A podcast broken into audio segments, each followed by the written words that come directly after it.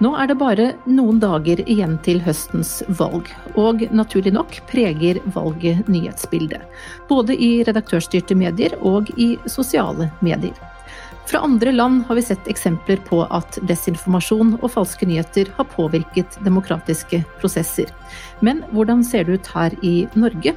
Og hva bør vi som mediebrukere være oppmerksomme på for ikke å la oss lure? Det er tema i dagens utgave av Den norske mediepodden.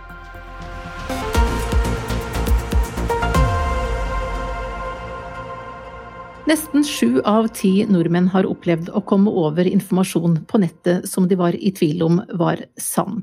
Det viser en undersøkelse Medietilsynet gjennomførte tidligere i år. Ny teknologi har gjort det enklere både å manipulere, distribuere og dele informasjon. Det kan være flere grunner til at noen fabrikkerer falske nyheter. Det kan være for å tjene penger, skape forvirring eller påvirke noen i en bestemt retning. Og dette med falske nyheter og uønsket påvirkning er det jo ekstra viktig å være oppmerksom på i tilknytning til et valg. Kristoffer Egeberg, du er redaktør for faktisk.no, som faktasjekker informasjon fra ulike kilder. Og hvis vi ser på valgkampen så langt, i hvilken grad har dere kommet over informasjon som dere kan fastslå at ikke har vært sann?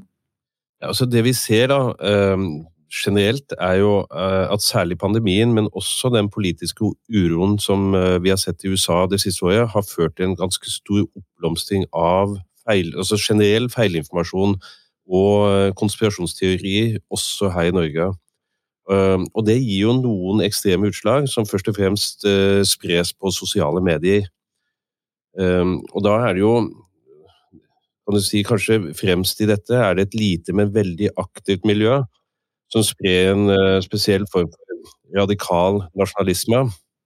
Og, og, dette er gjerne inspirert av uh, det såkalte alternativ høyrebevegelsen i USA, men tilpasset en, en norsk kontekst. Eh, og da snakker vi om et ja, hva skal si, veldig sånn sterk anti-EU, dyp mistillit til norske samfunnsinstitusjoner. De mener f.eks. at Norge ikke er et demokrati, men kanskje et slags diktatur. Og så fantaserer noen da om at norske politikere, og da gjerne med statsminister Erna Solberg i spissen, skal eh, stilles for riksrett, eh, bli straffet for landssvik og, og, og, sånne ting. Um, og dette miljøet, på en måte denne kjernen, da, eh, er jo tilknyttet mange andre hva skal jeg si, litt sånn alternative miljøer som er veldig engasjert i, i ting som smitteverntiltak, vaksiner, EU, EØS, vindkraft, pensjoner. Altså mange av de temaene som er superaktuelle og viktige i den generelle samfunnsdebatten. Eh, men så har de da dette grunnpremisset om at verden styres av en slags ond elite. da, eh, eh, og at, at, folket føres bak lyset, hvor også da norske medier, journalister, samfunnstopper pekes ut som skyldige i denne konspirasjonen. Har du noen konkrete eksempler du kunne trukket fram av eh, ting som eh, dere har sett har vært eh, spredd nå i det siste? Ja, altså den klareste kanskje nå, og det, det er mer sånn klassisk falsk nyhet i, i valgkampen, eh, som vi har sett på, er annet et, et bilde eh, som spres av eh, Jonas Gahr Støre med et sitat om innvandrere som han aldri har sagt. Og dette er jo mer sånn sånn klassisk igjen på sosiale medier, gjerne på Facebook, for det er størst i Norge, hvor man lager sånne såkalte memer. Eh, gjerne da med sitater, så ser det jo øh, flott ut. øh, men man bør jo google disse sitatene og, og ettergå kildene for å se har disse politikerne faktisk sagt det. Um, og vi ser jo da... Det vi ser er jo at i kommentarfeltene så er det mange som går rett på limpinnen uten at de da selv sjekker om f.eks. dette sitatet da faktisk er, er, sant, og man faktisk har sagt akkurat dette. Ja, øh, absolutt. Og, og, det er jo Kjennetegnet er jo at hvis en sak eller en sånn post vekker sterke følelser, så må du være på vakt. Uh, for det er jo gjerne altså Det fellestrekket for, uh, for den type falske nyheter er jo gjerne at de, de, de bygger på følelser. Uh, at man prøver å vekke en slags forakt. Uh, og vi ser jo stadig vekk poster og saker i alternative nyhetskanaler som enten er så feil og misvisende at de på mange måter kvalifiserer til falske nyheter, eller, eller direkte er falske nyheter. Og da er det jo gjerne for å vekke de der sterke forakten mot systemet, og, og, som gjerne er vanskelig å ettergå. Og, og, og, det er jo igjen der hvor folk må ha litt kildekritikk, eh, kanskje google litt. Hvis ingen andre medier skriver om det eller har noen saker om det, så er det kanskje fordi det ikke har skjedd.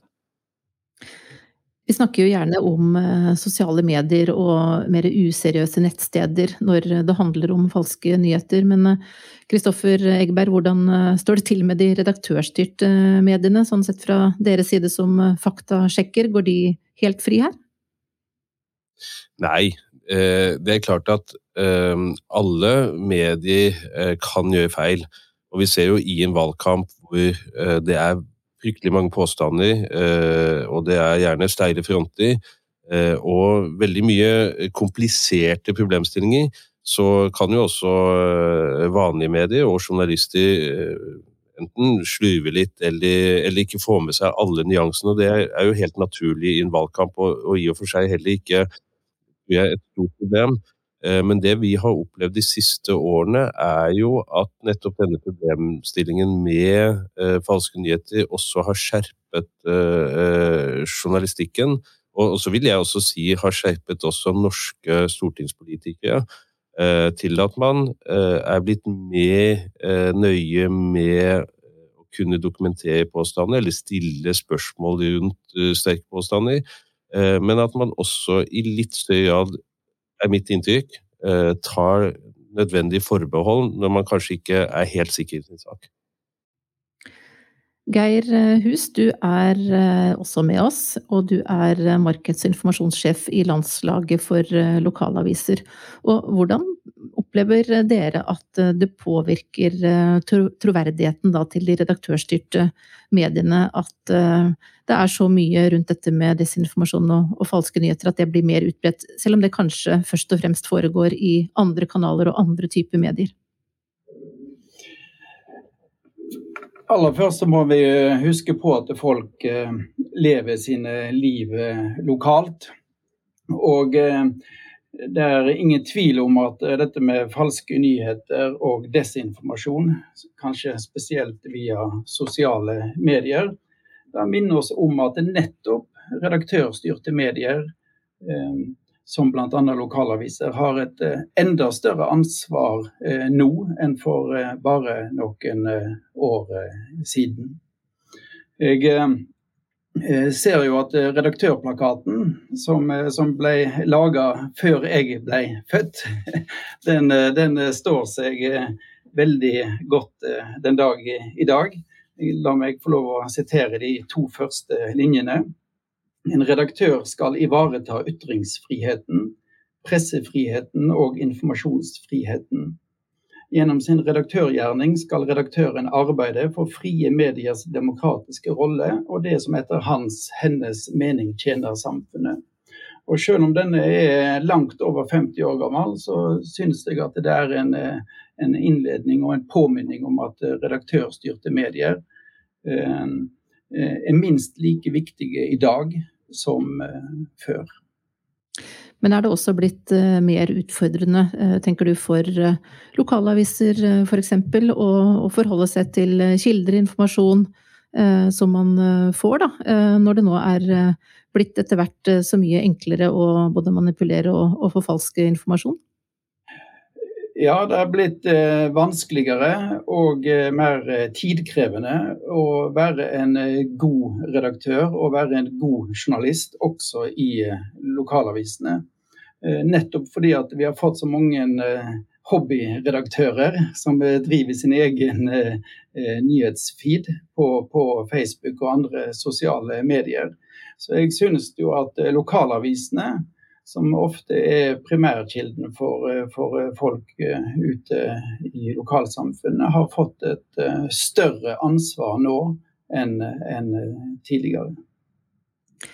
I forbindelse med høstens valg så har regjeringen satt ned en arbeidsgruppe som har utarbeidet tiltak mot det som da kalles uønsket påvirkning i forbindelse med valget. Og Siri Dolven, du er avdelingsdirektør i Kommunal- og moderniseringsdepartementet, som har hatt ansvar for dette arbeidet. Og hva er bakgrunnen for at dere har sett behovet for denne type tiltak inn mot et valg?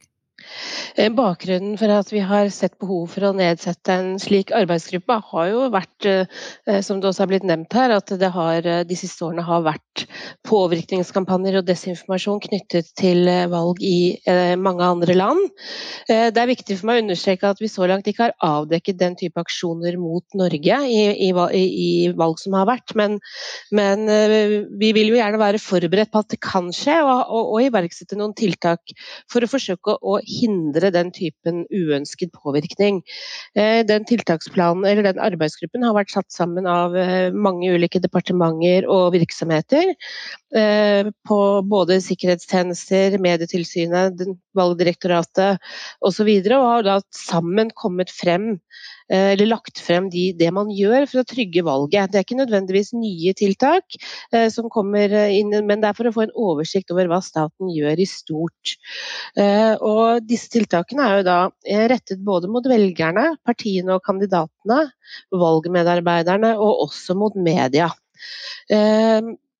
Og, kan du få lov å fortelle litt om noen av eh, tiltakene? Jeg skal komme litt tilbake igjen til de som eh, vi har hatt ansvar for fra Medietilsynets eh, side. Men det er jo 13 ulike tiltak i alt her, så hvis du kan kategorisere litt kanskje, eller trekke fram noe av det viktigste som blir gjort da, for å hindre uønsket påvirkning? Det, jeg tenker jo at det som du skal snakke litt om senere, Mari, er noen av de aller viktigste tiltakene. For de er rettet mot, mot, mot velgerne og befolkningen som helhet. Men jeg vil jo trekke frem f.eks. en informasjon informasjonsbrosjyre som sendes til alle alle kandidater som stiller til valg. Eh, den er utarbeidet av PST, NSM og Etterretningstjenesten. Der de får god informasjon om hvordan de kan beskytte seg selv, sin egen informasjon osv. Hvordan de kan eventuelt håndtere en situasjon der eh, sensitiv informasjon skulle være på avveie. Eh, det er et viktig, viktig for, for politikerne, men vi i Kommunaldepartementet har også utarbeidet en veileder mot hatytringer, hets og trusler, som ligger på nettstedet hetsogtrusler.no .no, eh, som skal være både forebyggende, eh, kunnskapsbasert eh, og håndterende for hvordan man opp, hvis man opplever hatytringer, hvordan man skal unngå det selv. F.eks. ved å framstå som et godt forbilde i debatter, og hvordan man da kan håndtere det hvis man skulle oppleve det. Og denne fyller vi stadig vekk på med ny, med ny forskningsbasert kunnskap. Vi tenker det også er viktig å ha med seg. Og det gjelder jo også selve spørsmålet om påvirkning. Eh, derfor har vi inngått en, en, forskningsavtale med Forsvarets forskningsinstitutt, som skal se om det har skjedd noe før, under eller etter dette valget. Eh, første delen av rapporten får vi i midten av desember. Og så får vi en, eh, en mer drøftende, analyserende rapport som vil se på ulike scenarioer og hva vi som valgmyndighet kan gjøre for fremtiden for å sikre valg mot dette, dette fremover.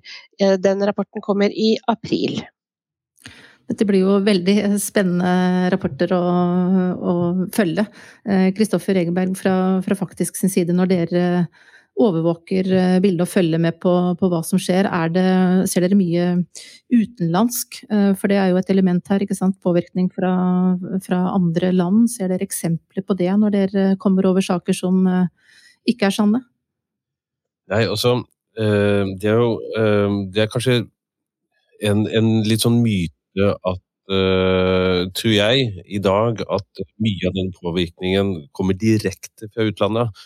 Uh, og da vil jeg understreke direkte, for det, det som jeg sa innledningsvis, er jo at eh, denne type feilinformasjon, falske nyheter, får jo inspirasjon ofte fra utlandet. Og Det vi ser de siste årene, er jo at veldig mye av den inspirasjonen kommer fra disse alternativ høyre-miljøene i USA, eh, som har oppstått eh, rundt eh, den samfunnsdebatten de har der. Og så vet vi fra valget helt tilbake til 2016 at gnisten, eller noen av disse gnistene, kanskje har blitt tent av andre aktører i, i øst. og altså, Hva skal si den altså, russiske trollfabrikker og denne type ting. så det er, det, er, det er, litt viktig at vi er bevisst på at, eh, at vi har disse miljøene i Norge også, som er veldig aktive spredere av desinformasjon og feilinformasjon, som for så vidt ikke trenger noen påvirkning fra utlandet for å spre dette, men som kanskje uh, ubevisst selv er påvirket av nettopp de samme konspirasjonsteoriene som er gjeldende i resten. Spesielt av disse store sakene som pandemi, vaksiner, vaksineskepsis, mobil og stråling. Dette her bare klipp og lim fra de samme postene vi ser i utlandet, som da blir eh, oversatt til norsk av norske miljøer og spredt til et norsk publikum. Et av eh, tiltakene i denne planen som du eh, har snakket om, Siri, er noe som flere av oss som sitter her nå bidrar med. Det er en kampanje rett og slett for å bevisstgjøre nordmenn både på faren for falsk informasjon, falske nyheter, og styrke kunnskapen om hva vi bør være oppmerksomme på, og hvordan vi kan sjekke en sak om den er troverdig eh, og sann eller ikke. Kampanjen heter Stopp, tenk, sjekk, eh, og er da et samarbeid mellom Medietilsynet, faktisk.no, Landslaget for lokalaviser og Direktoratet for samfunnssikkerhet og beredskap. Og akkurat nå, jeg har ferske tall eh, fra i dag, så har vi nådd nesten 600 000 nordmenn faktisk, gjennom poster i sosiale medier. I tillegg så har jo en rekke lokalaviser kjørt annonser, både digitalt og på papir. Eh, og mm, Geir Hus eh, fra RLA sin eh, side, hvorfor har dere valgt å delta i denne kampanjen? Altså det, det, det, har vi jo sett på både som, som, en plikt og som en glede å være med på tiltak og samarbeid som nettopp kan, kan vise fram at redaktørstyrte medier er det vi må ha også i framtiden for at vi skal ha et uh, ordentlig og godt uh, ordskifte. Så for LLA, Landslaget for lokalaviser, og våre medlemsaviser, så, så, har det ja, rett og slett vært en glede å være med å få fram dette budskapet. Og det har vi jo, som, som du var inne på, Mari, gjort både gjennom nettutgavene våre, papirutgavene våre, og, og gjennom sosiale Eh, medieplattformer som, som vi selvsagt eh, sjøl bruker. Det er eh, stor aktivitet i kommentarfeltene knyttet til denne kampanjen. Vi har nærmere 150 000 reaksjoner, mange hundre kommentarer så langt. Og jeg må vel kunne si at mye av det nettopp er dokumentasjon på at en slik kampanje virkelig trengs. Det er blant annet Eh, påstander om at de redaktørstyrte mediene lyver, det trekkes fram nettsider som vi vet at ikke er eh, troverdige som kilder for informasjon osv. Kristoffer Egeberg, er dette noe dere også ser generelt når dere jobber med faktasjekking? Ja, absolutt. Eh, å påpeke disse tingene er ikke veldig populært. Igjen, i, i en del hva skal si, ytterpunkter så er det jo skapt og skapes det et fiendebilde av journalister og mediene som en del av eh, nærmest en større konspirasjon som fører folket bak eh, lyset. Og det er jo hovedutfordringen med sosiale medier, er jo disse såkalte algoritmene. Altså hvordan eh, disse sosiale mediene favoriserer innhold og lenker som spiller på følelser, og ikke minst eh, sinne og avsky. Eh, og de som vet å utnytte dette, og så sette folk opp mot hverandre, eh, eh, komme med angrep på personer og institusjoner, de vinner gjerne litt sånn kampen i, i, den nye offentligheten ved at de får større spredning. Og Sånn sett så kan du si at den digitale offentligheten gir litt dårlige kår for eh, konstruktiv meningsbryting og, og, og faktabasert samfunnsdebatt. Ja, hva skal vi gjøre for å motvirke det, tenker du? Hva er det viktigste vi kan eh, gjøre da? Jeg tenker jo sånn som nettopp den kampanjen som, eh, som Medietilsynet her har tatt eh, initiativ til, og jeg vil jo si det arbeidet som, som lokalavisene, som de nasjonale mediene, som vi faktisk.no, og ikke minst som konstruktive krefter i samfunnet gjør hver dag i å bevisstgjøre dette, i å jobbe i, i hvert fall ikke fire på egen standard.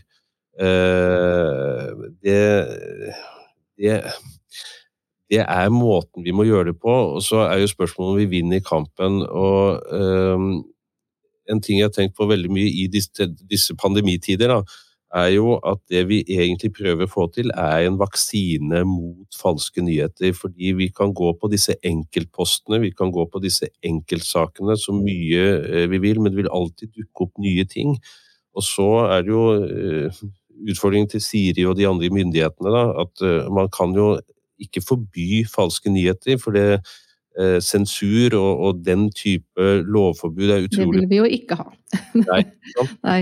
Og, da er jo alternativet at du og jeg, altså at folk flest, selv blir bedre i stand til å avdekke når vi blir lurt, når vi blir manipulert på denne måten. Og Da er det dette vaksinebildet kommer inn. altså Hvis vi klarer å gjøre folk mer kildebevisste, eh, at folk blir mer kritiske i sin mediebruk, at folk skjønner at det er en forskjell i kvalitet på et redaktørstyrt lokalavis og en blogg, Uh, altså disse som, som, som, Geir så fint illustrerte, at enhver kan bli sin egen redaktør, men det betyr jo ikke at det er kvalitet bak det. Uh, da tror jeg vi kommer et stykke lenger i at folk selv klarer å, å, å skille mellom uh, god og dårlig informasjon på, på internett. Og så er det jo igjen dette her med at vi må titte ut av vinduet. Eh, og ikke leve våre liv utelukkende på sosiale medier, for det gir et vrengebilde, eh, enten et glansbilde eller et forferdelig bilde av den verden vi lever i. Så eh, er man opptatt av valg og politikk, gå ut og møt en politiker. Snakk med ekte mennesker, snakk med venner og familie, og ikke tro på alt som kommer forbi deg i Facebook-feeden. Jeg har lyst til å spørre deg, eh, Siri, fordi eh, det var jo en tilsvarende gruppe som den som har vært i sving nå, også ved forrige valg, og det har jo skjedd mye siden eh, da. Vi har hatt en, et presidentvalg i USA. Vi har hatt ja, eksempler på påvirkning fra, fra, andre land. Vi har hatt en pandemi. Ser dere andre tendenser eller et annet bilde i forkant av dette valget enn enn dere har gjort i forkant av tidligere valg så langt? Eller har det vært andre problemstillinger som dere har diskutert og vært opptatt av? I, vi har jo selvfølgelig diskutert hvorvidt eh, pandemien kunne by på andre utfordringer eh, i arbeidsgruppen. Eh, og der har jo vi også jobbet parallelt med å sørge for at valget f.eks. At det skulle bli spekulasjoner da, om at valget skulle bli utsatt, eller noen skulle tro at det skulle bli digital stemmegivning f.eks. Eh, der har vi jo gitt kommunene virkemidler sånn at de skal kunne håndtere eh, valggjennomføringen på en god og trygg måte for velgerne og valgmedarbeiderne Eh, gjennom eh, en pandemi, og også at alle velgere, også velgere i isolasjon, skal få mulighet til å stemme. Da kommer valgmedarbeiderne hjem til seg. Så der har vi noen andre virkemidler som vi har brukt for å sørge for det. Samtidig som det vi kanskje så i stor grad etter amerikanske valget sist, var at man spekulerte jo mye i dette med den selve praktiske valggjennomføringen at det var mye debatt rundt den. Og, og, det vi er veldig opptatt av, som vi håper at vi får drahjelp av mediene til, er at, at, velgerne får informasjon om hvordan valget gjennomføres på en, på en uh, lettfattelig måte. For vi har, et, egentlig, vi har et godt system i Norge uh, som er enkelt å forstå. Det er gjennomsiktig og oversiktlig. Så hvis velgerne får på en måte det, eh, den kjennskapen og vet hva Når du kommer i valglokalet, skal stemmeseddelen stemples, legitimasjonen skal sjekkes, eh, stemmeseddelen legges i valgurnen, og etterpå så vil den da bli talt opp og til slutt bli en del av et valgoppgjør. Eh, og selv om da valgoppgjøret kanskje skal ta litt lengre tid, så er ikke det fordi at noen prøver å jukse, men at vi får frem disse faktaene rundt hvordan vi gjennomfører valg, og at flest mulig blir kjent med det, det tror vi kan bidra til å gjøre den spekulasjoner om å undergrave selve valggjennomføringen, da. Eh, som jo var kanskje noe nytt eh, som vi har sett fra tidligere. Og der kan jeg jo nevne at Vi hadde et dialogmøte med mediene tidligere i dag, der både Faktisk og Medietilsynet var og snakket om sine tiltak. og få opp den bevisstheten i mediene eh, redaksjonelt, eh, tror vi også er veldig viktig. I forbindelse med kampanjen vår Stopp, tenk, sjekk, så har vi jo um, noen helt konkrete råd når det gjelder hva vi alle bør være oppmerksomme på når vi eksponeres for ulike former for informasjon. Og hvis vi nå, Kristoffer Egeberg, på tampen skal oppsummere, hva er de beste rådene vi kan gi? Hva er det viktigste å være oppmerksom på og se etter når man f.eks. Eh, får opp i feeden en eh, post i et eller annet eh, sosialt medium? Det enkleste er jo å sjekke kilden, og spesielt hvis saken vekker sterke følelser. Er det andre som skriver om dette oppsiktsvekkende som, som, som plutselig står der foran deg? Hvor kommer disse opplysningene fra? Hvem er det egentlig som er avsender her? Og finnes det andre kilder som kan bekrefte, eller kanskje til og med avkrefte, det du nettopp har sett? Gjør noen egne søk, og ikke minst alltid se oppe i dette adressefeltet på internett at du faktisk er på den siden du tror du er på. For Én eh, ting er på en måte falske nyheter som skal påvirke meningene dine, men det er veldig mye svindel der ute som fungerer på akkurat samme måte. Eh, og som kan skape like stort tillitsbrudd eh, som politiske falske nyheter. Det gjelder altså å være obs, og mer informasjon om eh, hva du bør se etter når du leser noe på nett, det finner du på Medietilsynets nettsider. Der kan du også ta vår quiz for å sjekke din egen kunnskap om desinformasjon og falske nyheter. Tusen takk til Kristoffer Egeberg, redaktør i faktisk.no, Geir Hus, som er markeds- og informasjonssjef i Landslaget for lokalaviser, og Siri Dolven, som er avdelingsdirektør i Kommunal- og moderniseringsdepartementet. Jeg heter Mari Welsand og er direktør i Medietilsynet, og takk for at du hørte på Den norske mediepodden.